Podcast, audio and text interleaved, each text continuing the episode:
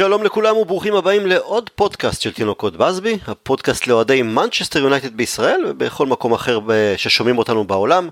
פרק מספר 126, והפעם אנחנו נשוחח עם מצב רוח מרומם לאחר הניצחון המרשים בדרבי, ורגע לפני קרב מאוד מסקרן מול אייסי מילאן בליגה האירופאית.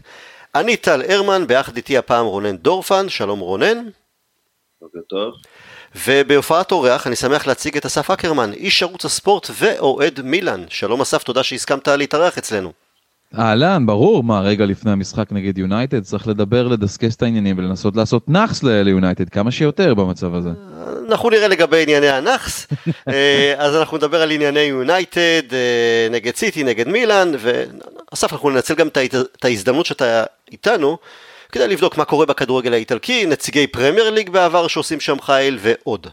אה, ככל שהזמן אה, יאפשר לנו כמו שאומרים. אבל נתחיל מהדרבי המנצ'סטרי. אסף, אה, הופתעת שם מהניצחון של יונייטד? האמת שכן, מאוד.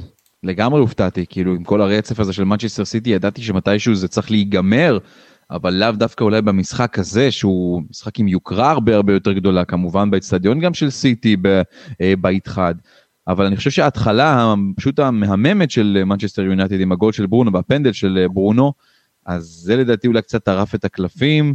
אה, סיטי הייתה קצת באיזשהו blackout, נראה לי שעם כל הדיבורים על כל ההצלחה הגדולה שלהם ועל האליפות שחצי חצי בכיס, או אולי לא חצי בכיס אפילו צריך לומר. הרבה יותר. זה קצת הימם אותה, כן, זה ממש קרוב, אבל אה, statement גדול למנצ'סטר יונייטד, אחרי כל כך הרבה תוצאות אה, של 0-0, מצליחים להבקיע ולנצח משחק כזה גדול, אולי זה יעשה איזה קצת שינוי במה שראינו ממנה בתקופה האחרונה. איך בכלל אתה, מנקודת המבט שלך, אתה רואה את, את העבודה של סולשאר ביונייטד?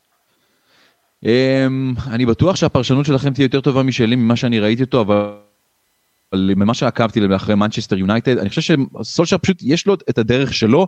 הבעיה היא כשהדברים קצת פחות הולכים, אז מאמן יותר מנוסה יודע לשנות תוך כדי, אם זה תוך כדי משחק או, או בהכנות למשחק. ולדעתי פה סולשר קצת, קצת טועה, יש לו את, ה, את השיטה הקבועה שלו, את הדרך הקבועה שלו, וכשהוא סופג שער, פה, או שהוא לא מבקיע שער ומתחילים להגיע הדקות האחרונות, שם משהו שהוא קצת לוקה בחסר. יצא לי לשדר אה, כמה משחקים של מנצ'סטר יונטד לפחות בליגת האלופות כאן אצלנו בערוץ הספורט, אז ראיתי את זה גם אפילו קצת יותר לעומק ממה שרואים, בהכנה לשידור כמובן, ממה שרואים נטו, נטו במשחק, אבל עדיין, מקום שני למנצ'סטר יונייטד בעונה כזאת משוגעת, עם 54 נקודות, כשליברפול לא באופק, צ'לסי עוד מתחתיה, ולראות רק את מנצ'סטר סיטי מעליה, אז נכון, מבחינת האוהדים אולי זה לא, לא, לא כל כך כיף, אבל יש לומר את האמת, זו עונה שהיא די הצלחה, אם אנחנו לוקחים את הרקורד האחרון, מנצ'סטר יונייטד הפסידה פעמיים ב-25 את המשחקים האחרונים, זה רקורד יפה, אפשר יותר, אבל זה לא רע. לא, זה התקדמות, אה, עונה שנייה ברציפות ככל הנראה נסיים בטופ 4, ממשיכים לרוץ חזק בגביעים, אז אה, כן, התקדמות. תוסיף, תוסיף את זה גם לתוצאות לא רעות בכלל בליגת האלופות. אה, בשלב הבתים. היה, היה כמה דברים מאוד מאוד יפים שהם עשו, כולל ניצחונות על פריס סן ג'רמן, מה שנקרא מול בשקשיר שנתנו בראש במשחק בעטנו בדלי שם בליגת האלופות בשני משחקים אה, נגד פריס סן ג'רמן ולייפציג אה, בשני המשחקים האחרונים, היינו צריכים רק נקודה אחת. נכון. החטאות, משחק גרוע בגרמניה, כן, זה עלה לנו ביוקר, אבל זה חלק מניסיון לפעמים שקבוצה צריכה לצבור כדי... סוף, אני, אני רוצה לשאול אותך קצת מה, מזווית אחרת, כי, הרבה אנשים ישבו בין יונייטד למילאן, לצערנו, בתור הענק הישן, הענק ש, שנרדם, כל אחת במדינה שלה.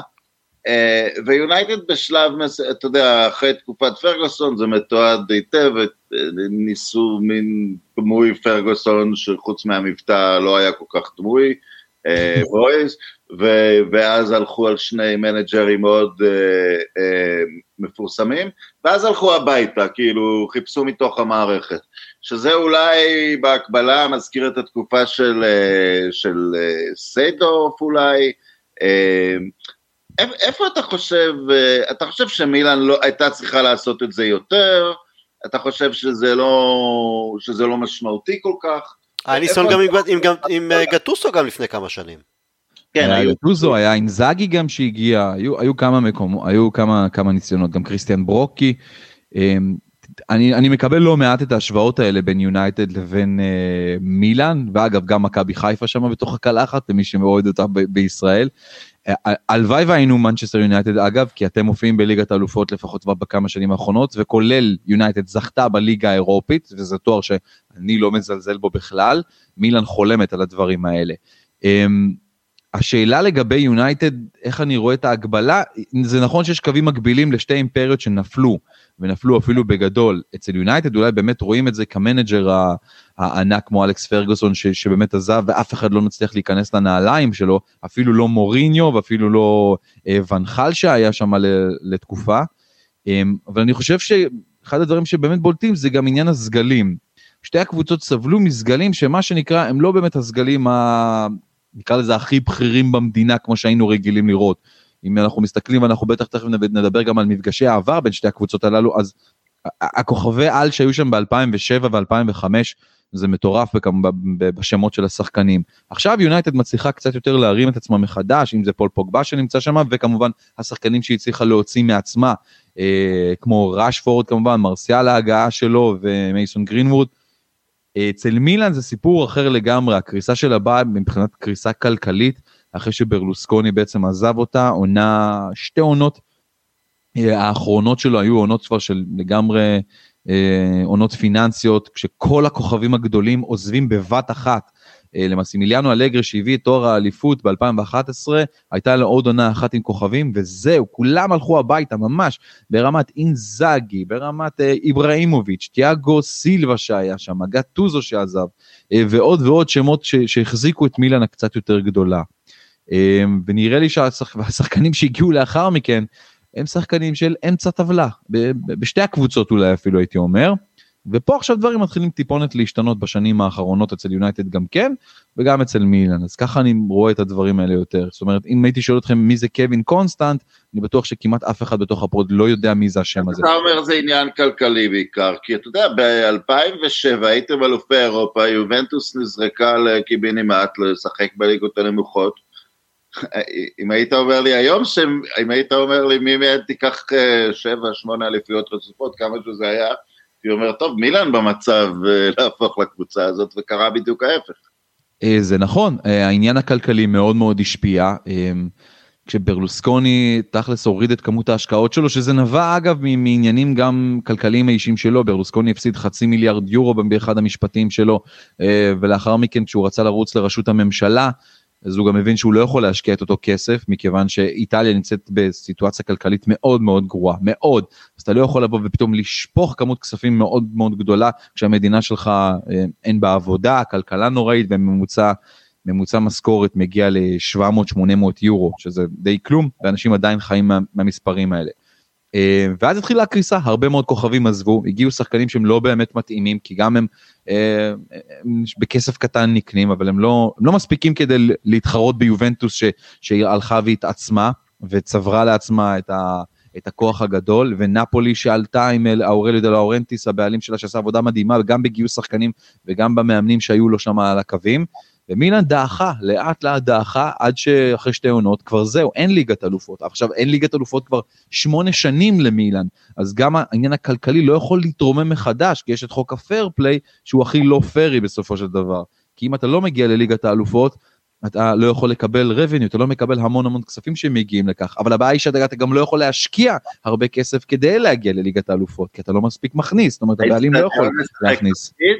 אז זה שאתם באיצטדיון ציבורי, יש לזה משמעות, כי, כי יובנטוס הלכה, ואתה יודע, אני תמיד שאלתי, נכון שהם בנו איצטדיון יפה, האמת יותר קטן ממה שהיה, אבל הם כאילו, אה, למה קבוצה תלך ותשקיע באיצטדיון שהציבור מממן לה אחד, אבל נראה שזה כן עזר ביובנטוס, ולמילן יש איצטדיון ציבורי ללקק את ה... לפחות מבחוץ.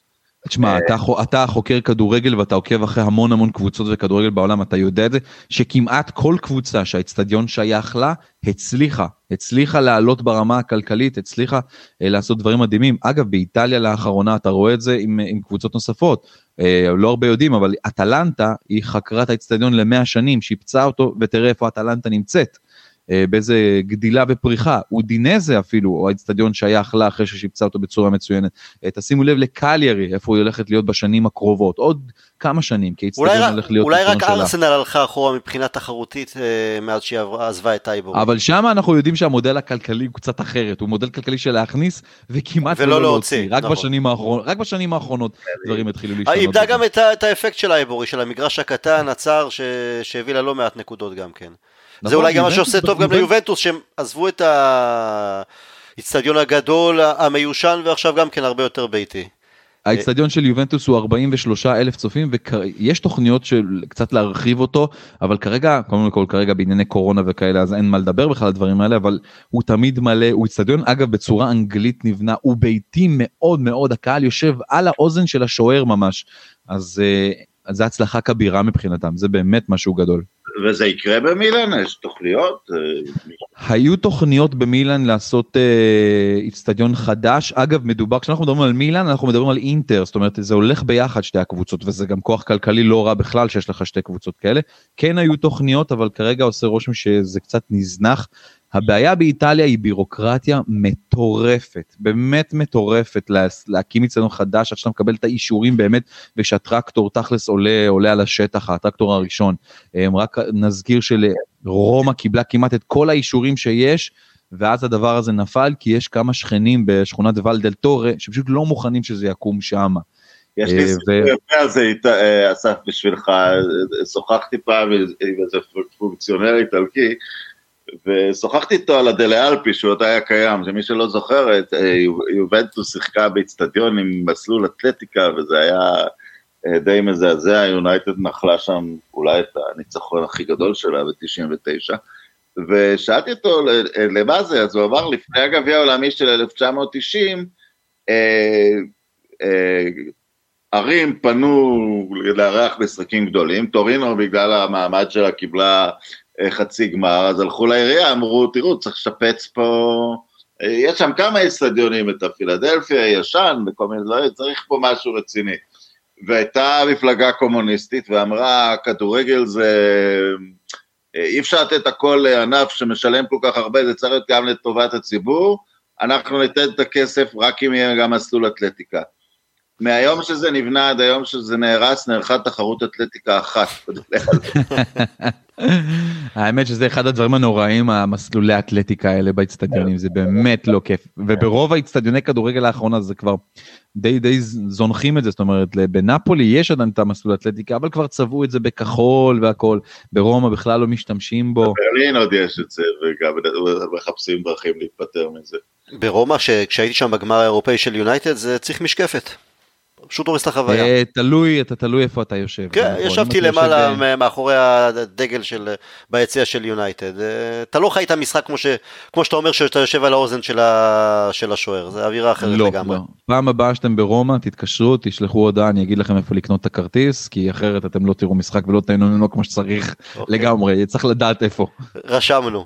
נחזור קצת רגע לדרבי המנצ'סטרי, רונן, מה הרשים אותך יותר מכל? כי זה, זה לא היה משחק גדול של ברונו או ראשפורד, שהם בדרך כלל הג'וקרים שלנו, אבל כן משחק קבוצתי מאוד ברור ומגובש. אני חושב, אגב, אחרי כמה ימים, ואחרי שהתפכחתי, אחרי שהאנגובר עבר, אה, לגבי דברים ש, שאסף אמר בהתחלה, טקתי את המשחק הכי טוב של סולשר, כי הוא לא קיבל הופעות גדולות אה, קיבל הופעות גדולות של, אה, של לוק שו, אבל אתה יודע, מגן הרבה פעמים ההופעה הטובה שלו זה, זה, זה תפקוד, זה לא שהוא כל התקפה הורג את כולם, זה כמה ריצות טובות. אז אה, ניצחנו שם שנה קודם, אבל שנה קודם, לפני שברונו נרכש, באמת, שחקנים שלחו מתחזים לשחק במקומם, כמו פרד, כמו דניאל ג'יימס, שחקנים שהיו בכושר מזעזע, התעוררו, ופה באו אה, בשקט. וזה מאוד מאוד הפתיע אותי, כי אני הייתי בטוח שסיטי, שזה הדבר האחרון שנשאר לה לעשות באנגליה השנה. אה, גם כדי, אתה יודע, לעשות ליונייטד אה, סולמות ונחשים, תחזרו לנקודת ההתחלה, לנטוע בה את הספק, לשדר אתם לא בדרך, תחשבו עוד פעם על המאמן, תחשבו עוד פעם על השחקנים. הרגשתי שסיטי זה המשחק האחרון שחשוב לה באנגליה השנה, ו, ולכן אני יצאתי מאוד, מאוד מעודד, כי אתה יודע, באו ועשו את העבודה, בהזדמנויות טובות שוב הובלנו, עמדנו בלחץ מאוד מאוד קשה של סיטי, זאת אומרת, לא, לא ניצחנו איזושהי קבוצה ש... אתה יודע, שלא קמה בבוקר. זה, זה היה מאוד, זה היה מאוד מרשים מבחינתי. זה, זה, זאת, זאת התחושה, ואתה יודע, וטוב מאוד שזה, טוב מאוד שזה הרגיע את, ה, הרגיע, הרגיע את המערכת. כן, גם... היינו, היינו צריכים את זה גם בשביל המשך הדרך. מחר מילאן. ו... המקום הרביעי עוד לא מובטח. נכון, נכון. כן. מה שעוד ראינו במשחק הזה זה עוד הופעה מאוד מרשימה של אנדרסון. עכשיו, בתחילת העונה, כשסולשר קיבל החלטה ללכת עם דחיה כשוער ראשון, אבל כן להתחיל להריץ את אנדרסון תוך כדי תנועה, בעיקר במשחקי הגביע השונים, הייתי מאוד סקפטי, כי אה, בעבר ראינו את זה שזה לא מצליח, גם לפרגי שהוא ניסה לעשות את זה רוטציה בין אה, רוי קארול לטים האוורד, לקלופ זה לא הצליח אה, עד לפני שנתיים באנפילד, אסף אני לא יודע אם היה ניסיון כלשהו באיטליה גם כן לראות אה, שני שוערים שכל אחד מהם בעצם יכול להיות אה, שוער ראשון כאן ועכשיו ולעשות רוצ... רוטציה מסוימת אבל זה עובד מצוין, לדחיה אין עונה... זה, כן? זה כרגע קיים ביובנטוס, יש לך את בופון ואת שזני. כמה בופון שיחק העונה? או באיזה מפעלים? אה, לא מעט, בגביע שיחק וגם בליגה שיחק, הוא מקבל דקות. נכון ששזני, בוא נגיד, בוא נגיד שזה שני שליש שליש. אוקיי. מחולק. עכשיו, לדחיה הוא בנסיגה כבר שנתיים שלוש, אין לו עונה רעה אבל זה גם לא בסטנדרטים שהוא הרגיל אותנו. אנדרסון לעומת זאת מאותת אחרי שנתיים מאוד מוצלחות בשפילד יונייטד שהוא גם עומד בלחצים של... אה, בשפילד יונייטד זה עומד גם בלחצים של אולטראפורד. אני כן חושב וגם דיברנו על זה בכמה תוכניות לאחרונה שהשינוי שם יעשה בקיץ אבל אני עוד יותר אה, מרגיש חיזוק בהקשר הזה. בגלל שפתאום לדחיה יש תינוקת קטנה וחברה שלו, הבת הזוג שלו, שמהרגע הראשון לא אהבה, משום מה לא אהבה את המזג האוויר המנצ'סטרי, בטח תלחץ עליו אולי בוא, תחזור הביתה עולה, אולי לאיטליה, מקום שיש שם מעט יותר שמש uh, מאשר מנצ'סטר. רונן, מה אתה חושב על זה? אתה לא תשמע ממני אף פעם מילה רעה על דחיה, אבל אנחנו לא משווים פה אחד לאחד. דחיה עם משכורת עתק, שנה, שנתיים, כמה זמן נשאר לו על החוזה הזה? הוא חתם לא... בקיץ שעבר, אם אני לא טועה, על אה, חוזה חדש. Okay, אוקיי, או, לפני, או בקיץ האחרון, לא זוכר כבר. קיץ לפני זה, אני חושב שאולי יש לו עוד, עוד שנתיים, אבל אתה, אתה, אתה כבר לא תחדש לו את החוזה, לא על, לא, לא, לא על סכום כזה, ו, והנדרסון, אתה, אתה תפספס אותו אם הוא לא יהפוך לשוער הראשון בעונה הבאה, בגלל שאתה יודע, הוא לא אמור לחכות כל ה...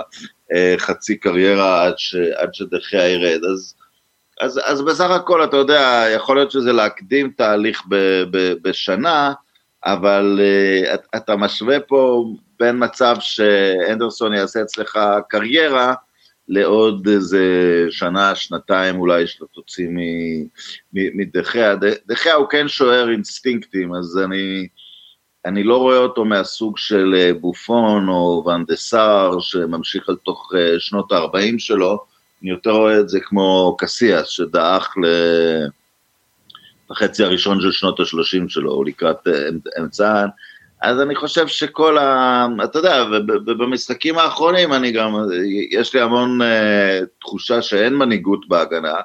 שההגנה מגיעה, כי, כי הכל קורה לנו בדקות הראשונות, ההגנה כל משחק צריכה ללמוד את, ה, את הדברים ו, וכאילו לא מצליחים לעשות להם, הם אף פעם לא מגיעים מוכנים ליריב, הם, הם תוך כדי משחק אה, משתלטים על זה, לסיטי כן, כי סיטי מאוד מאוד מוכרת. אז, אה, ואני מרגיש שאנדרסון קצת יותר נמצא, אה, נכנס לוואקום הזה ש... מגווייר הוא לא לגמרי המנהיג שרצו, אולי הכושר שלו קצת מקשה עליו להנהיג, קשה להנהיג כשאתה קצת uh, מתמודד עם כושר קצת פחות טוב. אז אני, אתה יודע, אני לגמרי מאחורי אנדרסון בנקודה הזאת, אתה יודע, זה... אפשר להיזהר ולא צריך להספיד וכל מיני דברים, אבל זה ספורט, בספורט גם צריך לקחת החלטות כואבות ולחתוך אותן בנקודה מסוימת. אני חושב ש... אנחנו כבר כמה שנים, לפני, עד לפני כמה שנים היינו כל קיץ שומעים עד כמה דחיה כבר עומד לעזוב ומוכרים אותו והוא הולך לריאל מדריד או חוזר לאתלטיקו ופתאום מן הסתם הדברים האלה ירדו מהפרק זה גם אומר שכנראה המניות שלו מתחילות לרדת מן הסתם ובאמת יונייטד צריכה לחשוב קצת יותר על העתיד שלה, זו עונה עשירית כבר של דויד דה חאה במנצ'סטר יונייטד ועשה כמה דברים לא רעים בכלל, הוא בן 30, זה הזמן של יונייטד אולי קצת לעשות עליו כסף ולגדל משהו, לגדל משהו חדש, ואם אתם בתור מי שרואים את יונייטד כל שבוע, כל הזמן רואים שהנדרסון הוא, הוא ברמה הזאת, הוא במקום הזה, או לפחות את הפוטנציאל להתקדם למקום הזה, אז אין סיבה שהוא לא יהיה, אין סיבה שהוא לא ייכנס לשער. הפוטנציאל שם, הפוטנציאל שם, דחיה לאיטליה? יש איזה אולי דיבורים? יובנטוס אולי צריכה שוער באמת? כי בופון זה, זה, בעיה, זה בעיה. דחיה הוא, הוא יקר. הסכום כסף שיונייטד משלמת לו ברמת שכר אני לא מדבר על דמי העברה הוא מאוד מאוד גבוה. אלה שחק... בגלל זה השחקנים נתקעים באנגליה לא מעט כי השכר שם הוא כל כך גבוה שבמועדונים אחרים בליגות אחרות כולל ליג... הליגות הגדולות בליגות הגדולות וקבוצות גדולות כמו יובנטוס. אה, למשל בליגה האיטלקית לא משלמות סכומים כאלה לא זה, זה לא מגיע זה לא זה לא הסכומים האלה. אז אולי זה אופציה. אם זה מתקזז עם, עם אתה יודע. זה מה שקרה בסוף עם, אה, עם אלקסיס. זהו, שהוא, שאנחנו משלמים חלק מהמשכורת. אה. לא, ככה אין בעיה. השנה כבר לא, אבל שחררנו השנה כבר לא, כן. נכון. אז, אבל שחררנו חינם, אז אינטר אמרה לעצמה, בסדר, טוב, הוא היה עולה 20 מיליון, אז איכשהו זה מאזן את ה... את, את, את החשבונות, אבל זה נכון, את, אה, את דחיה כמעט בלתי אפשרי למכור, אם, אה, אם פריז לא תרצה אותו, או הוא יגיד לעצמו, אני ארד קצת במשכורת כדי להיות uh, בספרד, מה שאני הייתי עושה אפילו על המשכורת שלי. אבל, אז, אז הדבר הזה לא יקרה, אבל עוד פעם, אנחנו, יש לנו אורח, אז, אז הנה... אז בוא, בוא נעבור לחלק האומנותי. הנה ההקבלה, מה, מה, אתה יודע, כשהוא עלה בגיל 17, אמרנו, אפשר לסגור את הספר, לא יהיה עוד שוער כזה כמו דונה רומא, ואיפה זה עומד עכשיו? זה מוקדם להגיד משהו סופי, כי זה שוער, אתה יודע, זה, זה גילאים יותר מבוגרים, אבל דונה רומא עוד יהיה בופון? אני לא חושב שדונרומה יהיה בופון, למרות שהוא באמת שחקן צעיר, הוא בן 22 בסך הכל, והוא מגיל 16 בשער של מילאן. אמ, תראו, הוא שוער מצוין, הוא שוער נהדר, הוא אחד מהסיבות שבאמת מילה נמצאת במקום שנמצאת במקום השני בטבלה בליגה האיטלקית. אה, הוא עושה עבודה מדהימה לצד כמה פלופים שיכולים לקרות מדי פעם, אבל באמת יש לו משחקים גדולים עם הצלות יפות מאוד ברגעים קריטיים למילן. יש לו בעיה עם האוהדים של מילן, זאת אומרת, ברמה האישיותית. הוא קודם כל מרוויח משכורת מאוד מאוד גבוהה במילן, כבר מגיל צעיר, ממש משכורת גבוהה, אולי השחקן אפילו שמרוויח את המשכורת הכי גבוהה במילן. אה, ופתחו על זה עין, ויש לו סוכן עוד יותר בעייתי שאתם מכירים אותו מצוין ביונייטד, מינו ריולה. ומינו ריולה אה, כל הזמן דוחף בתקשורת, והנה עכשיו אנחנו נמצאים במה שנקרא עיצומו של משא ומתן להארכת החוזה של ג'יאן לואיג'י דונורומה, נשאר לו עוד עונה אחת. וזה זה, זה, זה די נתקע, זאת אומרת השחקן מרגע, כרגע מרוויח באזור השישה מיליון יורו לעונה. זה המון לשחקן בגיל שלו. אה, שוב, זה עדיין אחת המשכורות היותר גבוהות של מילאן. והוא רוצה 10, ומילן מוכנה לתת עד 7 לעלות יותר, ולא יותר מזה, אבל ראיולה אתם יודעים, אז הוא מתחיל לעשות בעיות בתקשורת, והאוהדים של מילן מאוד מאוד מתעצבנים מהדבר הזה, כי אז אומרים בוא, אתה כל מה שאתה רוצה זה רק כסף כדי להישאר פה, רוצים להפוך אותך לסמל. דונרומה הוא אמור להיות הסמל של מילן, באמת, מההתחלה, כשחקן שגדל, הסטייל פאולו מלדיני שלא עוזב, שנשאר ולוקח את הקבוצה הזאת קדימה. אז הנה, הוא באמת לוקח אותה יותר קדימה לליגת האלופות, אבל כל הזמן יש את העניין הזה ברמה הכלכלית, האם הוא מחויב באמת לקבוצה או שהוא בעיקר מחויב לתוך הכיס שלו. אה, וזאת הבעיה שלו, אבל מבחינת פוטנציאל, הוא, הוא לגמרי נמצא שם במקומות הגבוהים. בופון, זה אתם יודעים, זה, זה עוד רחוק להגיד, אבל גם נזכיר שהוא השוער הראשון של נבחרת איטליה עכשיו הפך להיות, אז, אה, אז בואו נראה לאן זה לוקח אותו גם ברמה הזאת, כי בופון אי אפשר לנתק את כל מה שהוא עשה בנבחרת איטליה ממה שהוא עשה בקבוצה, ביובנטוס ובפארמה. אנחנו עכשיו בתהליכים אה, לשפר את היחסים מול ריולה, במיוחד רונן אה, דוחף לשם כדי שנוכל להביא איזה חלוץ נורבגי מגרמניה ליונייטד, אבל uh, נשאר uh, במילאן וקצת קצת היסטוריה. תראו, כשאני הייתי נער, וזה סוף שנות ה-80, תחילת שנות ה-90, לא הייתה קבוצה ששנאתי יותר באירופה מאשר מילאן. זה בעיקר נבע אז בגלל הקרבות על היוקרה, הליגה האנגלית מול זאת האיטלקית, והאנגליות אז היו מאושות מאירופה, ומילאן מבחינתי סימלה את uh, סמל הרוע. מהסיבה הפשוטה שקינאתי בה, היא הייתה פשוט הכי טובה. זה הימים של הטריו ההולנדי, ון בסטן, חולית, רייקארד, והמשיך הלאה עם אה, כוכבי על נוספים. אחד המשחקים שאני לעולם לא אשכח, לדעתי אם, אם עושים איזה טופ 10 של המשחקים הכי גדולים בהיסטוריה של הכדורגל, ה-4-0 של מילאן על ברצלונה בגמר אלופות ב-94 חייב להיות שם.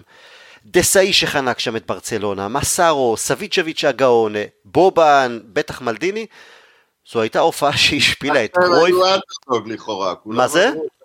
במשחק שהם עלו אליו כאנדרדוג. שמע, ברצלונה של קרויף זה, זה רומריו וסטויצ'קו וקומן וגוורדיולה. אסף, איזה זיכרונות יש לך מאותו משחק? תראה, ב-1994 באתונה, אני הייתי בסך הכל בן 11, הייתי קטן. אני לא, מניח שראית את זה מוקלט גם אחרי זה. היה מיליון פעם, מיליון פעם ראיתי את זה בוודאי, כל פעם את שיגעון, זה אחד מהווידאוים הכיפים לראות. כל פעם שיש מפגש עם ברצלונה מן הסתם בליגת אלופות, והיו לנו הרבה, אז אתה חוזר למשחק הזה. אמ, אני גם יצא לי לקרוא לא מעט uh, כתבות על הדבר הזה, ורונן הזכיר את זה, מילן הגיע כסופר אנדרדוג למשחק הזה עם פביו קפלו על הקווים מול uh, יוהאן קרויף, ו... וזה היה בית ספר, זה היה תענוג. אתונה בשביל מילן היא, היא סמל הצלחה מאוד גדול, שחזרנו לשם ב-2007 ולקחנו שוב פעם את הגביע שם מול אה, ליברפול. שם טל כבר לא היה נגדכם. עוד פעם, סליחה? לא, גם לא... חזר לעצמו ולא היה נגדכם. גם בפשע שמילן ביצע נגד האנושות ב-2005 הייתי לטובתה.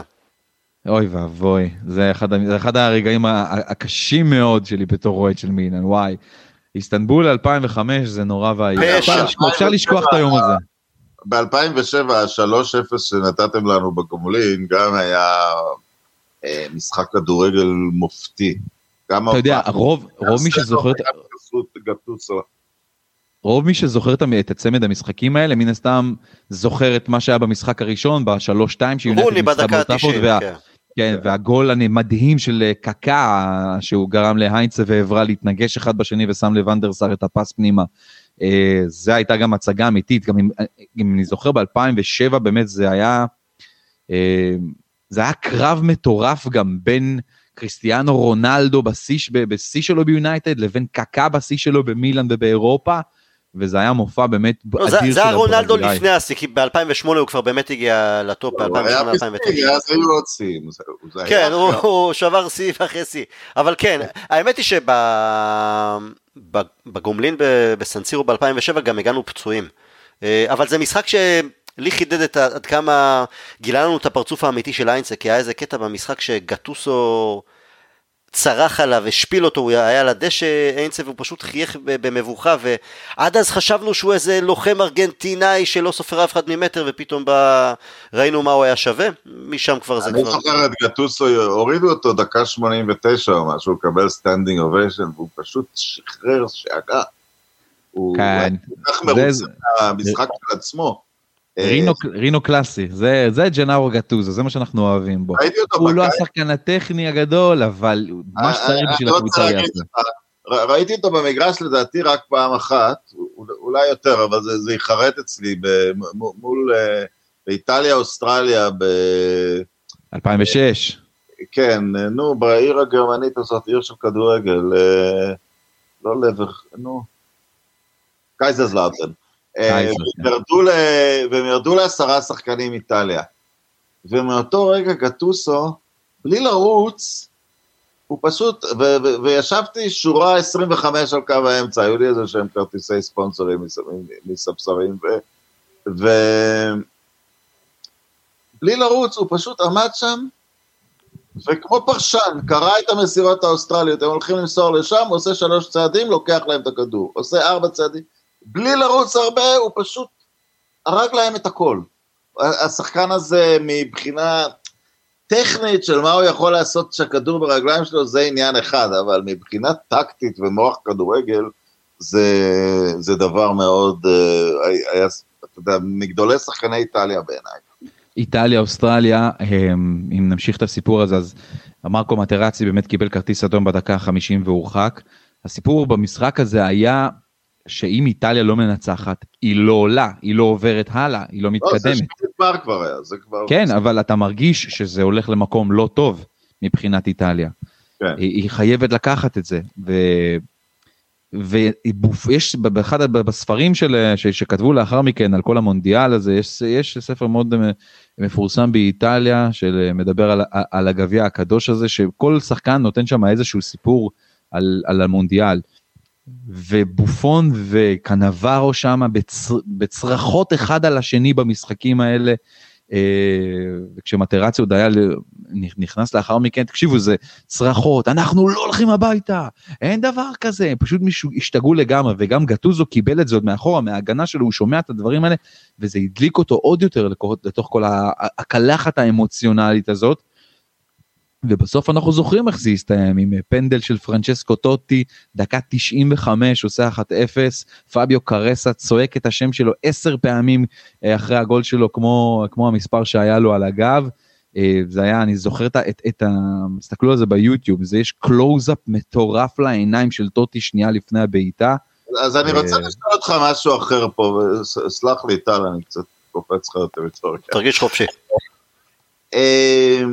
אוקיי, אז הייתי באותו משחק וגם בחלקים מאותו מונדיאל.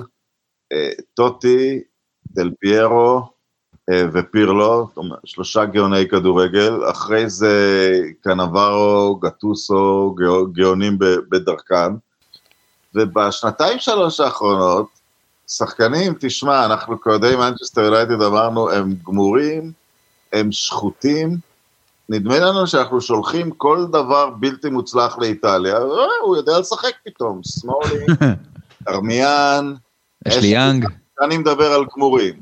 זלאטן זה סיפור קצת, קצת שונה, אבל עדיין, בגילו, אני אומר, אתה לא יכול להיות השחקן הכי טוב של הדיוויזיה, או אחד משלושת הטובים, זה קצת, אני מרגיש שזה משבר איכות בלתי, אולי אני טועה, אולי אני מסתכל לקבוצות הלא נכונות, משבר איכות, אה, תראה, זה שקריס סמולינג ודרמיאן יכולים להצטיין, תשמע, הם לא הצליחו לקבל משחק ביונייטד, ויונייטד לא טובה באנגליה. זה, זה באמת מדהים לראות, ותראה גם את דייגו דלות שאתה הולך לפגוש אותו ביום חמישי, שהיה במנצ'סטר יונייטד, ודווקא במשחק האחרון אפילו קבע שער גדול אצל מילאן. הוא שייך לנו, פה אתה יודע, הוא בן 22, ו... והביאו לו מחליף מאוד טוב, אולי הוא אפילו עוד יהיה יום אחד במנצ'סטר יונייטד, לא חושב, אבל בסדר, נניח את זה. הוא גם לא איטלקי, אבל איפה השחקנים האיטלקים? איפה השחקני, ואני אומר, שחקני הגנה אה, חוזרים ו, ו, ו, ומצליחים שם, זה, זה, זה תופעה שלא ציפיתי לראות. הליגה האיטלקית השתנתה לגמרי בשנים האחרונות, היא כבר לא הליגה הפיזית אה, שהיינו רגילים לראות והאגרסיבית, היא ליגה קצת אחרת, היא ליגה קצת יותר טכנית, קצת יותר אה, טקטית, תמיד הייתה טקטית, אבל זה, זה הרבה יותר.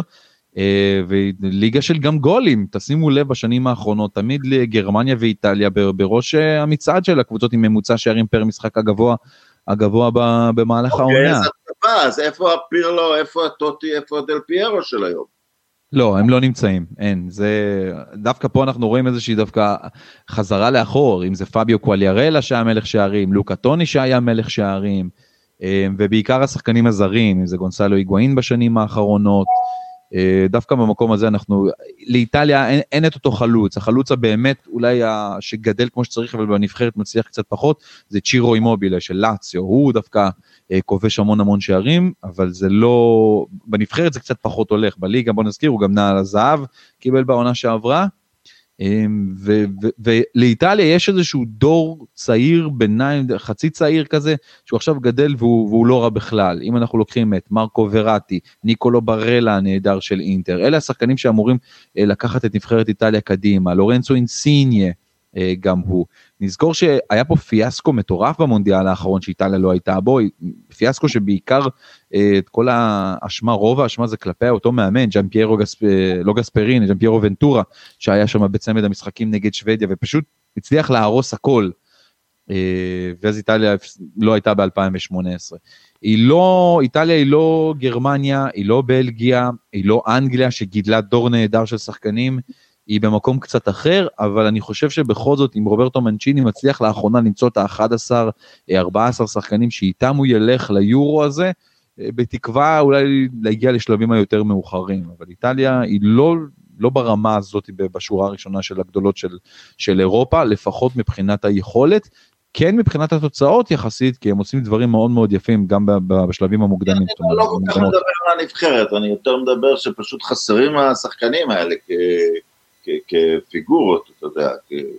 לא, אתה צודק, הם לא, הם לא באמת נמצאים שם, אה, לפחות ברמה של שחקנים איטלקים. השחקנים הזרים בתוך הליגה האיטלקית כן, אבל אה, האיטלקים זה, זה קצת יותר בעיה. יש, אה, זה, זה נכון, אין יותר את ה, מה שקוראים לזה באיטלקית פוארי קלאס, זה מחוץ לקטגוריה, אין להם קטגוריה כמו דל פיירו, בופון, כאלה שחקנים. אם נחזור לגטוסו, האמת היא שהוא העיד שאת ה... הוא התעצב ממש כשחקן דווקא מכל המקומות, דווקא בסקוטלנד, כשהוא היה בגלסגו רנג'רס לאיזו עונה. ששם הקשיחות וה drive והכל, עונה שהוסיפה לו המון. מאמן הולנדי, שכחתי, אה, נו, קראו לו אדבוקט סימן אותו או מישהו. עבד לי מאמן מאוד טוב, הוא מאוד עיצב אותו. כן. אם אה, נחזור לתחילת ההיסטוריה במפגשים בין יונייטד למילאן, אז המפגש הראשון בין הקבוצות הרשמי היה בעונה של אסון מינכן. יונייטד הרי הגיעה לחצי גמר אה, גביע אירופה לאלופות, לאחר תיקו 3 בבלגרד, היא ניצחה קודם לכן 2-1 באולד טראפורד. זאת גם הייתה התוצאה הראשונה של המשחק באולד טראפורד בין יונייטד למילאן, אבל בגומלין הובסנו 4-0. רולן, משהו על המפגש ההוא? אה, כל מה שאני יכול להגיד זה שמילאן וריאל מדריד פנו לוופא ואמרו להעניק את גביע האלופות ליונייטד, אבל וופא אמרה, לא, אה, צריך, אה, צריך להמשיך, כנראה החלטה, אתה יודע, זה מוזר, כי דווקא ההתאחדות הדרום אמריקאית, ששם כאילו יש יותר פשן על הניצחון, כן עשתה את זה עם שפק זה, אבל זה כבר היה משחק הגמר לפני כמה שנים. אז כן, אני חושב זה, לפי, לפי התיאורים, השתיים אחד היה רק על האנרגיות, וזה גם תקופה שאתה מצפה להפסיד בחוץ, אה, באמת הכדורגל האירופי של אז הוא על, אה, הוא על הפרשים. אה, כמעט אפילו ריאל מדריד הגדולה, אתה תראה אותם עושים תיקו בכל מיני מקומות, או אפילו מפסידים ואז חוזרים ב-5-0. אין טלוויזיה, אז השופט עושה מה שמתאים לו. השופט, השופט עשה מה שמתאים לו בעיקר 11 שנה לאחר מכן. לא, לא, אבל אני אומר, הפער הזה אז בין, בין אה, בית לחוץ, אגב, גרם לחוק שערי החוץ, לתת איזשהו תמריץ לקבוצות החוץ לעשות משהו חוץ מלעמוד בבונקר, הרבה פעמים כשמתלוננים על שער חוץ, אה, צריך לזכור את זה, אבל אה, אתה יודע, לא היה סיכוי אמיתי, ומילאן כבר הייתה קבוצה די... די מבוגרת, אז השלישייה השוודית הובילה אותה והם כבר היו די מבוגרים, אבל הם הצליחו באותו קיץ לסחוב את שוודיה לגמר הגביע העולמי אה, בבית, אה, גרן, לידהורם וסימונסן. אתה יודע, זה משחק, אתה יודע, הוא לא היה בעל ערך מיוחד באותה נקודה. אז 11 שנה לאחר מכן, שוב פעם הקבוצות נפגשו בחצי גמר האלופות. יונייטד אז ניסתה להגן על התואר, מילה ניצחה 2-0 במשחק הראשון באיטליה, בגומלין יונייטד ניצחה 1-0, שער של בובי צ'ארטון, אבל מה שתפס את הכותרות באותו משחק, ומאז, היה שער שנפסל לדניס לואו. הכדור שלו חצה את הקו באיזה 30-40 סנטימטר לפחות. משום מה, הכוון והשופט לא ראו את זה. יכול להיות שזה תחילת השנים שיותר מדי שופטים היו מוטים לצד מסוים בגלל דברים שידענו לאחר מכן, שהתפרסמו לאחר מכן, אה, דברים שקרו בשנות ה-70? לא, אני לא, תראה, אני, מקרים ספציפיים אני לא יודע, אבל אני... צריך להבין, לפני שיש טלוויזיה שמשדרת לכל העולם בכל משחק, האינטרס הביטחוני של השופט זה שלא תהיה, אתה אומר זה מקרה בכלל של שער חוץ, אז... אה, של... לא, זה, לא, זה שער של אה, דניס לואו באולטראפורד. כן, הקבוצה הביתית אבל לכאורה קופחה, השיפוט פשוט היה לא, לא ברמה מאוד גבוהה. אתה גם תראה אנשים יושבים בין ה... לא כל כך קל לראות את הכל, אנשים יושבים uh, בכל מיני זוויות uh, בין, בין, ה, בין הגדר מאחורי השער למגרש, רואים את זה הרבה במשחקים uh, מהתקופה הזאת. אתה יודע, זה, זה עידן מאוד... אה, זוכרים מהעידן הזה את כל הפלה והג'ורג' בסט, אבל משחק כדורגל היה דבר מאוד... תשמע, דניס לאו רצה, רצה עוד גמר, כי הוא פספס את זה של 68, כן. אז הרסו לו, לא נורא, בסדר. עברו כמה וכמה שנים טובות, האמת היא שאני זוכר משחק ידידות בין הקבוצות, אני ב-87 או 88 באולד טראפורד, מילאן ניצחה 3-2, ואני הייתי די גאה בזה שבכלל הצלחנו להבקיע שני שערים מול קבוצה איטלקית, שזה אז היה בגדר משימה בלתי אפשרית כמעט. אני כן זוכר במיוחד שלאחר אותו משחק פרגוסון אמר כי ה... אפילו שזה היה משחק ידידות, שהפערים הטקטיים, לא רק ביונייטד מול מילאן, אלא בכלל בין האנגליות לאיטלקיות, הוא פער עצום ושייקח אה, זמן עד שנקטין אותו, אז האנגליות כמובן מושעות מאירופה. אסף, אתה חושב שלולא, בזמנו, לולא האנגליות היו מושעות מאירופה, היינו רואים את ההשתלטות האיטלקית על הכדורגל האירופאי כפי שזה קרה, או שזה היה משהו יותר מאוזן, כי בכל זאת הייתה שם ליברפול חזקה עם דלגליש כמאמן שחקן, לארסנל הייתה אחלה קבוצה חזקה והגנתית איטלקית אפילו במרכאות תחת ג'ורג' גראם, או שהעובדה שבאנגליה השחקנים המשיכו לחיות ולשתות בין משחקים, אה, ולא משנה מה, אז זה לא היה משנה את התפיסה, עדיין היה נוצר פער. אני חושב שמה שאמרת גם בתשובה השנייה בצורת ההתנהלות היא יש לה עניין אבל בוא נזכור שבסופו של דבר כסף הוא הוא הדבר שמנהל את העולם ובשנים האלה היה הרבה מאוד כסף באיטליה היא הצליחה כמה וכמה פעמים בליגה האיטלקית לשבור את שיאי העברות של שחקנים שהגיעו לליגה האיטלקית אז נראה לי שזה גם חלק מהעניין וכמובן. עקומת הלמידה והמאמנים האיטלקיים של אז והדרך שהתנהלו שם וכל הכוכבים הגדולים שהיו אז זה, זה הסיבה שבאמת איטליה השתלטה על העולם. וראית גם כשנכנס הכסף מהפרמייר ליג, זה עובד עכשיו פשוט לצד השני, ואנגליה לוקחת את, ה, אה, את הבכורה אולי ב, ב, בעניין הזה. אבל גם בוא נזכיר, ליגה האנגלית עד היום, המאמנים ששולטים בה, הגאונים שלה הם מאמנים זרים, הם לא מאמנים אנגלים. אז uh, צריך גם להסתכל על הדבר הזה ככה.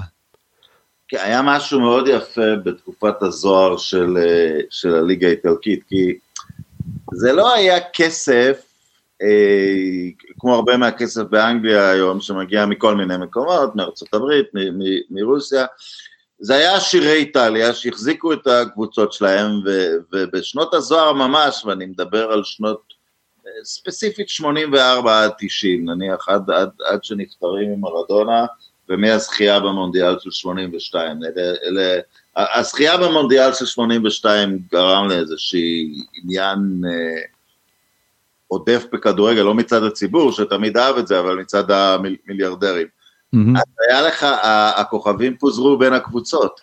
היה לך את זיקו באורדינזה. זיקו היה השחקן הכי טוב של ברזיל בין, אה, לפחות בין אה, פלה לרונלדו. אז הוא היה באורדינזה. היה לך, אה, קבוצה קטנה לקחה אליפות, ורונה, עם פרבן אלקיאר לארסן. אם אתם רוצים לדעת את מי הלנד מזכיר, זה השחקן היחיד שהלנד מזכיר. אה, כן, זה, זה, זה ויקינג, זה משהו, זה, אפשר לשחק איתו 4-4-2 וחצי, כי זה בן אדם וחצי משחק. ו...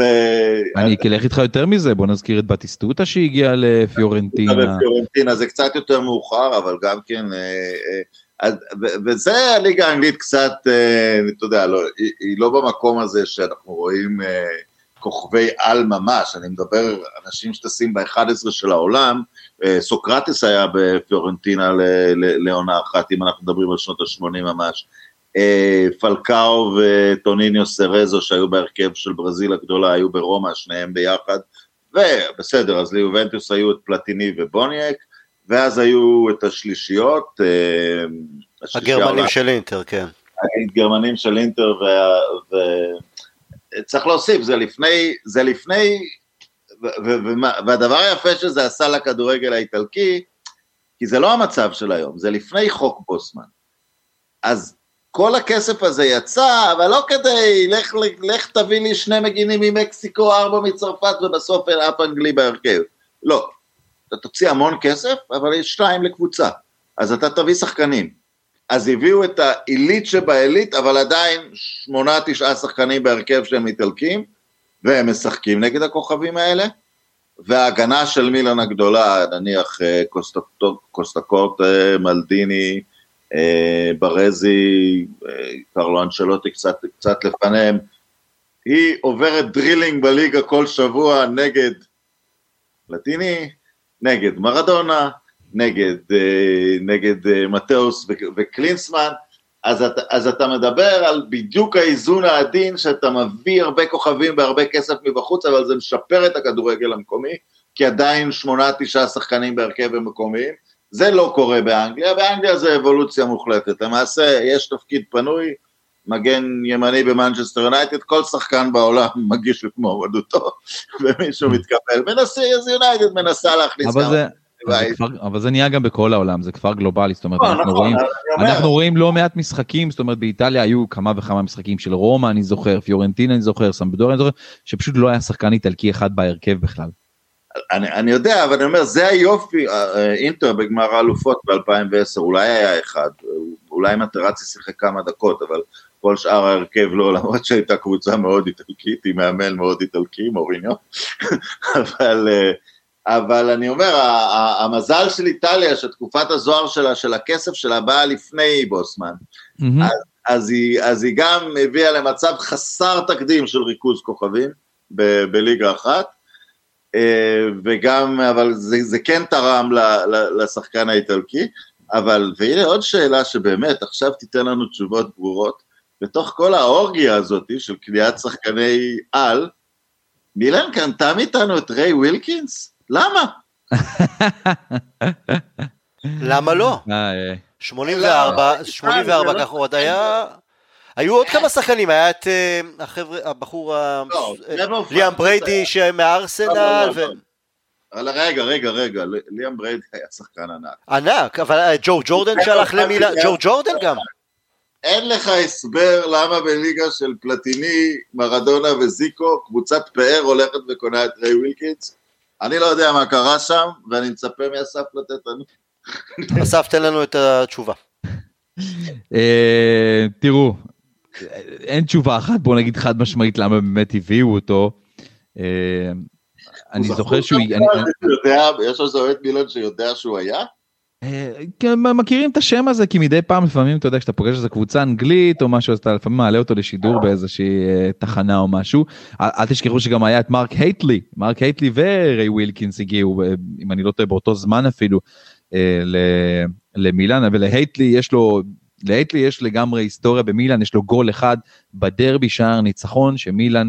אה, שהוא הביא למילאן ניצחון 2-1 על אינטר אחרי חמש שנות בצורת שהם לא ניצחו את אינטר ורק ראו את הגב שלה, אז הייטלי לגמרי נמצא בהיסטוריה ויש גם תמונה מאוד מפורסמת שלו אה, בנגיחה הזאת. אבל ווילקינס כן, לדעתי הוא כבש רק שני שערים במילאן, לא יותר מזה, ובוא נגיד כבש שהוא... ארבע ביונייטד, זה לא, אמנם כבש בגמר הגביע האנגלי שער מאוד יפה. אה, הוא לא היה שחקן רע, ווילקינס. תשמע, אבל זה כמו שגם דיוויד פלאט, שהוא לא היה בכיר השחקנים באנגליה, גם כן הגיע לאיטליה אחרי גביע העולם ב-90. כלומר, חוץ מגסקווין, שם בסוף, אחרי גביע העולם באיטליה, רוב הבריטים, האנגלים שהגיעו לאיטליה, הם לאו דווקא היו הכי הכי הכי. תראה, פלט לקח את, אה, את וילה לסוג של מאבק אליפות נגד ארסנל. כן, אבל הוא לא היה סופרסטאר ברמה שאתה אומר, וואלה. אתה יודע, הוא היה טוב במונדיאל, שהיה גם על אדמת איטליה, אז הדברים האלה השפיעו קצת יותר, אז... אה, דז ווקר שהגיע לסמדוריה ודי נכשל האמת היא. אה, איאן רעש אולי, אם אנחנו טיפה אחורה, אז איאן רעש באמת היה כוכב שהגיע לאיטליה ו... ולא הצליח, לא, לא התאקלם עם הסגנון כדורגל הזה. אה, אכל, אה, בייקט בין, מילא לא התאקלם לכדורגל, זה יכול לקרות, אבל איך, בין, איך אוכל תפוחי אדמה מווילס לא מתאקלם, אומ- אומר אחרי זה שהוא לא יסתדר עם האוכל האיטלקי, כאילו. זה, הוא, אמר, עוד- הוא אמר משפט יותר אידיוטי, שזה הרגיש לו כמו לשחק אה, בחו"ל או זרה. משהו כזה, כי- כן, אתה, אמר, "It's like a foreign country over there." כן, אבל זה וולשי, זה איאן ראש, זה גם השילוב שהוא Scouser, אז... אה, כן, טוב, בוא נלך קצת קדימה. אה, 2005, שוב פעם נפגשנו. יונייטד אז קבוצה בתהליך של בנייה מחדש. במשחק הראשון מילאן מנצחת באולד טראפורד 1-0, הייתי במשחק, לא היה לנו שם מה למכור, קרספו כבש, וגם בקובל, בגומלין קרספו אה, עשה 1-0. אה, אתה זוכר משהו אסף משני המפגשים הללו? כן, אני זוכר שקודם כל 2005, דיברנו על זה מקודם על מה שהיה בגמר, אבל 2005 זה בערך, אם אחרי שנות ה-90, אחרי ההולנדים של שנות ה-90, זו הקבוצה הטובה ביותר של מילאן. אה, לגמרי, מה- בשנים האלה, נקרא לזה אפילו בשלושים שנה האחרונות, קבוצה מטורפת שהייתה למילאן. אה, דידה בשער, קפוא מגן ימני, נסטה, יאפ סתם שאחר כך הלך אליכם. לא, יאפ סתם קודם היה אצלנו, אחרי זה הוא הלך אליכם. הלך ללאציו ואליכם. נכון, והיה פאולו מלדיני, ופירלו, ורוי קושטה, וקקה, קקה שמתחיל את השיא שלו, וסיידוב, גטוזו, שב, תראו מבחוד, שבצ'נקו, אינזאגי, קרספו, ויש לנו את תומאסון. אה, וזו עונה מטורפת לגמרי, קרספו באמת עשה, זה היה רק פעמיים 1-0, אבל זו עונה שמילן כבשה הרבה מאוד שערים, שבצ'נקו נתן 25 שערים בליגה ועוד 5 באלופות, קרספו 17 שערים ועוד 6 שערים באלופות, הגענו לגמר אה, בצורה מאוד מרשימה, מילן הגיע לשם מאוד מאוד יפה, ומהגמר נזכור מחצית. אני כן. מהקבוצה הזאת, אתה יודע, אני, השחקן שחרוט לי בזיכרון, למרות הרבה שמות גדולים כמו מלדיני וזה, זה, זה סיידוף, כי זה כאילו אתה משחק נגד 5-5-3, יש להם שחקן עילית נוסף בכל, אה, בכל אזור במגרש, אה, אה, בכל רגע. אני חושב אחד השחקנים הכי underrated, הכי underrated בהיסטוריה, סידורף. שחקן גדול היה, אין ספק. 2010 זה כבר יונייטד חזקה ומילאן כבר יורדת מנכסיה. ניצחנו בסן סירו 3-2 וזה יכול להיגמר הרבה יותר. 4-0 קליל בגומלין כשבקאם חזר לבקר באולד טראפורד. מה יהיה מחר? אמ, כשאני מסתכל על הסגל של מילאן כרגע ועל כמות הפצועים שיש והחיסורים אז נראה לי שלמילאן יהיה קשה לצאת משם עם ניצחון אבל אני לפי מה שקראתי גם אצל יונייטד גם יש איזה שהם ספקות רשפורד בספק ועוד ועוד כמה שחקנים. בוא נאמר את האמת, הקבוצות האיטלקיות לא תמיד משקיעות ב, ב, במפעל הזה יותר מדי, גם קבוצות כמו יונייטד עד לאחרונה פחות השקיעו בה, אה, כי הן רגילות להיות במעמדים קצת יותר גדולים. אני חושב שהמשחק של מילאן נגד נפולי ביום ראשון בליגה הוא הרבה יותר חשוב לה מאשר המפגש הזה מול מנצ'סטר יונייטד. נכון שהיוקרתיות פה היא מאוד מאוד גדולה ומוניטין של מועדונים, ופתאום איזה מפגש היסטורי גם נהדר, אבל תכלס, אם אנחנו מקמטים את זה למה באמת יותר קריטי לסטפנו פיולי, המאמן של מילאן, זה המפגש מול נפולי בליגה. זה, זה באמת הדבר החשוב, ובעיקר לצאת בלי פצועים. כי למילאן יש המון המון שחקנים שהם פצועים ולא יוכלו לשחק במשחק הזה. זלאטן עד מתי בחוץ? אני לא חושב שהוא יהיה מוכן גם לגומלין. אה, בטוח שלא למחר, אבל אני גם לא חושב שהוא יהיה מוכן לגומלין, כי הגומלין בעוד שבוע, זה לא כמו בליגת האלופות שיש פער של עוד שבוע. אמ, אז אמ, לצערי לדעתי אני לא חושב שהוא ישחק יכול להיות אולי לגומלין אולי מחצית גם אם הוא יהיה בריא באיזושהי צורה מסוימת לא בטוח שיסכנו אותו תלוי תוצאה מה היה במשחק הראשון. אמ, אבל זה לא רק הוא זה גם צ'אלנולו שלו נמצא מנג'וקית שלו נמצא הטורקי אולי איפשהו יצליח לחזור לעצמו אבל עדיין לא בכושר וגם בהגנה יש לנו לא מעט בעיות. אה, נקווה שאולי תומורי ייכנס, משחקן שאתם ראיתם אותו בצ'לסי כמה וכמה פעמים, אולי הוא יצליח לעשות דברים יותר, טוב, דברים יותר טובים ולהיכנס להרכב. אסף זה מדהים שבעונה שככל הנראה יובנטוס לא, אז דווקא אלופה תהיה אינטר ולא אתם. תראו, אה, בוא נאמר את האמת, לאינטר יש את הסגל הכי טוב בליגה האיטלקית, כל שחקן שלה בהרכב הוא שחקן טופ, טופ ליגה איטלקית, כל שחקן. הם קבוצה מדהימה, הם בנו את עצמם נכון, להביא שחקנים כמו אה, רומלו לוקאקו, לאוטרו מרטינז, אלכסיס סנצ'ס כגיבוי אפילו להתקפה, וכמובן הרכש הכי בולט של הקיץ האחרון, אשרף חכימי. אה, אינטר בנתה את עצמה טיפין טיפין, עם המאמן הכי טוב באיטליה כנראה, שמרוויח גם הכי הרבה.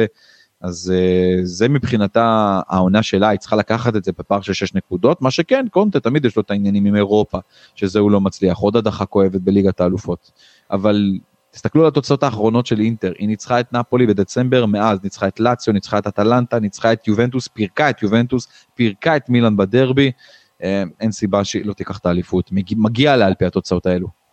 אני חושב שזה גם טוב מאוד, כאילו, זה, זה כמובן יצער אוהדי מילאן, אבל uh, להבדיל ממקרי uh, ביירן מינכן או בטח פריס סן ג'רמן, או הדואופול באיטליה, השליטה של יובנטוס לא הייתה שליטה, אתה יודע, אי אפשר להדביק אותם כלכלית, אין לאף אחד סיכוי, ולראיה, זה לא שאינטר ומילאן סיימו כל שנה שני שלישי, עלו קבוצות די אלמוניות, זה, זה טוב מאוד שה, שהשלטון של יובנטוס אה, נשבר, ואני חושב שהוא לא יחזור כל כך בקלות, הם עשו דברים מאוד נכון מקצועית כמה שנים, והם הפסיקו, וזה לא איזה זכות מולדת של יובנטוס לקחת את האליפות, ורק אם הם עושים טעויות קיצוניות הם, הם, הם לא לוקחים את ה... הם, הם לא לוקחים את האליפות, אני חושב שאיטליה הולכת לליגה די פתוחה בשנים, ה, בשנים הקרובות, בלי להסתכל, אתה יודע, על הרמה לעומת ליגות אחרות, זה, זה עניין אחר, שמאוד תלוי בכסף, אבל הליגה האיטלקית...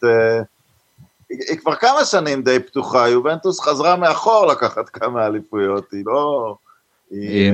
הולך איתך בעניין הזה, אני חושב שגם אנחנו מקליטים את הפודקאסט הזה ב- ביום אחרי שיובנטוס הודחה מליגת האלופות אה, נגד פורטו, ואתה רואה שליובה יש הרבה מאוד בעיות בסגל שלה, יש לה בעיות על הקווים עם אנדריאה פירלו, אה, צריכים לקחת שם כמה החלטות די כואבות, אבל שהן גם עולות כסף, זאת אומרת, אם תסתכל באמת לפעמיים שיובנטוס הגיע לגמר ליגת האלופות לפני כמה שנים, וזה היה פעמיים בשלוש שנים, אז השחקנים שהיו שם, אז אנדריאה פירלו על המגרש, זה היה מנג'וקיץ', זה היה פול פוגבה באחת העונות, זה היה שחקנים מאוד מאוד בולטים, קרלוס טבס, אז זה, זה לא השחקנים שיש היום שם. נכון שיש את קריסטיאנו רונלדו, אבל אתה כבר רואה כמה הוא... הוא אה, היום הוא מקבל בראש על, ה... על הפתיחת רגליים שלו בביתה החופשית. בחומה. כן. תראו, יש לו חוזה בכל מקרה לעוד עונה, אמ, עד לפני המשחק הזה היו קולות של כן להאריך לו את החוזה לפחות לעוד אה, שתי עונות שם, כי הוא בליגה נותן תוצרת, אבל uh, המשחק הזה יכול מאוד לשנות משהו בראש של אנדריאה אניאלי, הבעלים של יובה,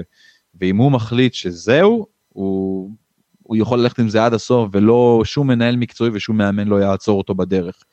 אמ, רונלדו הוא גם גדול על התקציב של יובה, בוא נאמר את האמת, הוא שחקן שמרוויח 30 מיליון יורו לעונה, זה המון המון כסף, ובעונות קורונה כאלה ואחרות, שאתה לא יכול להשקיע כמה שאתה רק רוצה, אז אה, אולי יחליטו להיפרד ממנו, אבל אני לא בטוח שזה יקרה, לדעתי לפחות עוד עונה אחת הוא יישאר שם, אם הוא יאריך חוזה כן או לא, אני לא יודע להגיד לך, כי העונה הזאת, אין ספק, אחרי ההדחה הזאת, זאת עונת כישלון ליובנטוס, היא לקחה את הסופר קאפ, לא באמת נחשב יותר מדי, היא תהיה בגמר הגביע ונראה מה היא תעשה שם, אבל ההדחה הזאת פעם נוספת בשמינית גמר ליגת האלופות, ופער של 10 נקודות כרגע מאינטר, שאומנם יש לה משחק חסר, יכולה להוריד את זה לשבע, אמ, זה לא מתקבל על הדעת אצל יובה, לא ככה. פירלו אבל לא שוחטים אותו עד כדי כך בתקשורת.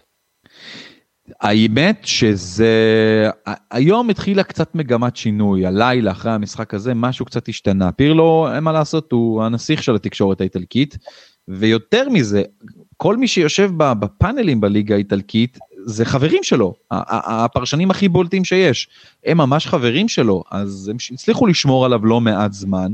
תראה, הוא איש נורא נחמד, אז אתה יודע. הוא מאוד מאוד נחמד לגמרי, יצא לי לפגוש אותו באופן אישי, לדבר איתו אה, להיות אפילו, אפילו כמה שעות במחיצתו, ממש נחמד ושובה לב, אתה יודע כמה הוא גאון והכל, אבל uh, 100 ימי החסד שלו כבר הסתיימו, היום למשל פביו קפלו פירק אותו לחתיכות uh, באולפן באיטליה, ופביו לא נחשב מהחבר הכי טוב שלו, אז הרבה יותר קל לו גם. אבל גם אלסנדרו דל פיירו, שהוא באמת באמת חבר טוב טוב של אנדריאה פירלו, כבר אמר, אמר, אה, ההנהלה של יובל צריכה להגיב, צריכה, צריך להיות פה איזשהו שינוי. הוא לא אמר לפטר את פירלו, כן? כי בסופו של דבר גם צריך להודות. אנדריה פירלו לא היה אמור להיות המאמן של יובנטוס, היה אמור להיות המאמן של הקבוצה עד גיל 23, הוא אפילו לא העביר אימון אחד שם, וישר הקפיצו אותו לבוגרים בגלל החלטות כלכליות. אז אה, צריך גם להבין את הסיטואציה הזאת שהוא נפל למקום הזה, אמנם לקח אותו בשתי ידיים, כי אף אחד לא אומר לא לתפקיד כזה. אמ, אבל אני לא חושב שיפטרו אותו, אולי בסוף העונה יחליטו ש... שצריך לעשות שינוי, כי יובה בדרך כלל אמצע העונה, תשימו לב, לא, לא מפטר את זה, לא קורה הרבה. סוף עונה אפשר לעשות שינוי. זהו, כאן נכנסת הגישה שלי. היום פירלו מנג'ר הרבה יותר טוב ממה שהוא היה בתחילת העונה, וגם כישלונות כמו אתמול, זה מה שיכול להפוך אותו להיות אה, איש מקצוע הרבה יותר טוב. אבל כמו שדיברנו על שנות ה-80 באיטליה, הכדורגל האירופאי שהשתנה, אין כבר כמעט סבלנות ל... לתת ל... למאמנים אה, להפוך להיות יותר טובים גם תוך כדי כישלונות, אלא מחפשים אה, לחתוך. אחד האלילים הגדולים שלי של התקופה האחרונה, זלטן איבראימוביץ', אני עוקב ושוטה וכל דבר שהוא רק אומר נכנס לי, חרוט לי בתוך המוח. אז בנאום האחרון שלו, ממש לפני כמה ימים בפסטיבל סן רמו שהוא הגיע לשם, אה, אז הוא אמר, הכישלון הוא לא ההפך מהצלחה, הוא חלק מהצלחה. אז אה, גם אנדריה פירלו מבין את זה עכשיו על הבשר שלו. נכון. אז אמר, אז הוא אומר משפט כזה יפה, אבל כולם אה, נטפלים, הוא אמר משהו נגד לברון ג'יימס, ורבות תופסים, אה, גם כן קפצו על, על הלכלוך, משפט נהדר מה שהוא אמר, מה שאתה אומר. אני, אני חשבתי על רונלדו אתמול, אני זוכר לפני כמה שנים הוא היה בטוק שואו באנגליה, והוא אמר למראיין, תשמע, אה, קטר, ארצות הברית, אה, סין, כל זה לא בשבילי. אני אשחק כל עוד אני מתאים לקבוצה אירופית גדולה, והוא נראה לי אתמול לא רחוק מפרישה בפעם הראשונה. אני חושב שמה שיושב לו בל... ב... על הראש, אבל בעניין פרישה, זה... יש לו סיכוי אמיתי לקחת את המונדיאל. שני השחקנים הכי טובים בליגה האנגלית הם פורטוגזים. לא, לא, לא עליו לקחת את המונדיאל. פורטוגל היום, 1 עד 11, קשה למצוא נבחרת יותר טובה, וזה בטוח מדגדג בו להמשיך אה, לפחות, אני לא רואה אותו משחק אה, אחרי 2022, וגם לא, זה... הוא כבר הודיע, הוא כבר הודיע שהוא לא. זה אז... כבר, זה המונדיאל האחרון שלו, הוא הודיע את זה ממש לפני כמה ימים האמת. לא, אני חושב שגם המונדיאל זה גם, אתה יודע, המשחק האחרון שלו יהיה במונדיאל הזה. לא, כי זה אמצע העונה. אבל בסוף אותה עונה יהיה המשחק האחרון. אני... נגעת פה בנקודה לדעתי מאוד מאוד מעניינת האמת, זה נכון, לפורטוגל יש נבחרת קטלנית, לקחה את אליפות אירופה ב-2016, אחרי זה גם לקחה את uh, ליגת האומות. את סילבה, את כן. נבז, את רוי פיליקס, שהוא רק גדל מיום ליום. ואחרי אתמול, אחרי אתמול גם אפשר להחזיר את פפה, שישחק שם במרכז ההגנה. הוא היה מדהים, הוא היה מדהים פפה אתמול. רונן, אסף, תודה רבה, היה כיף. אה, נראה מה יהיה ביונייטד מילאן עדיין, ליגה אירופאית, אתם חושבים על נפולי, אנחנו חושבים אולי על ה... להבטיח את המקום השני וטופ 4, אבל עדיין, תמיד מעניין, אז אה, נראה מה יהיה. אסף, באמת, המון המון תודה. תמיד כיף איתכם, תודה רבה לכם על ההזמנה. ואנחנו נהיה בקשר. We'll never die, להתראות.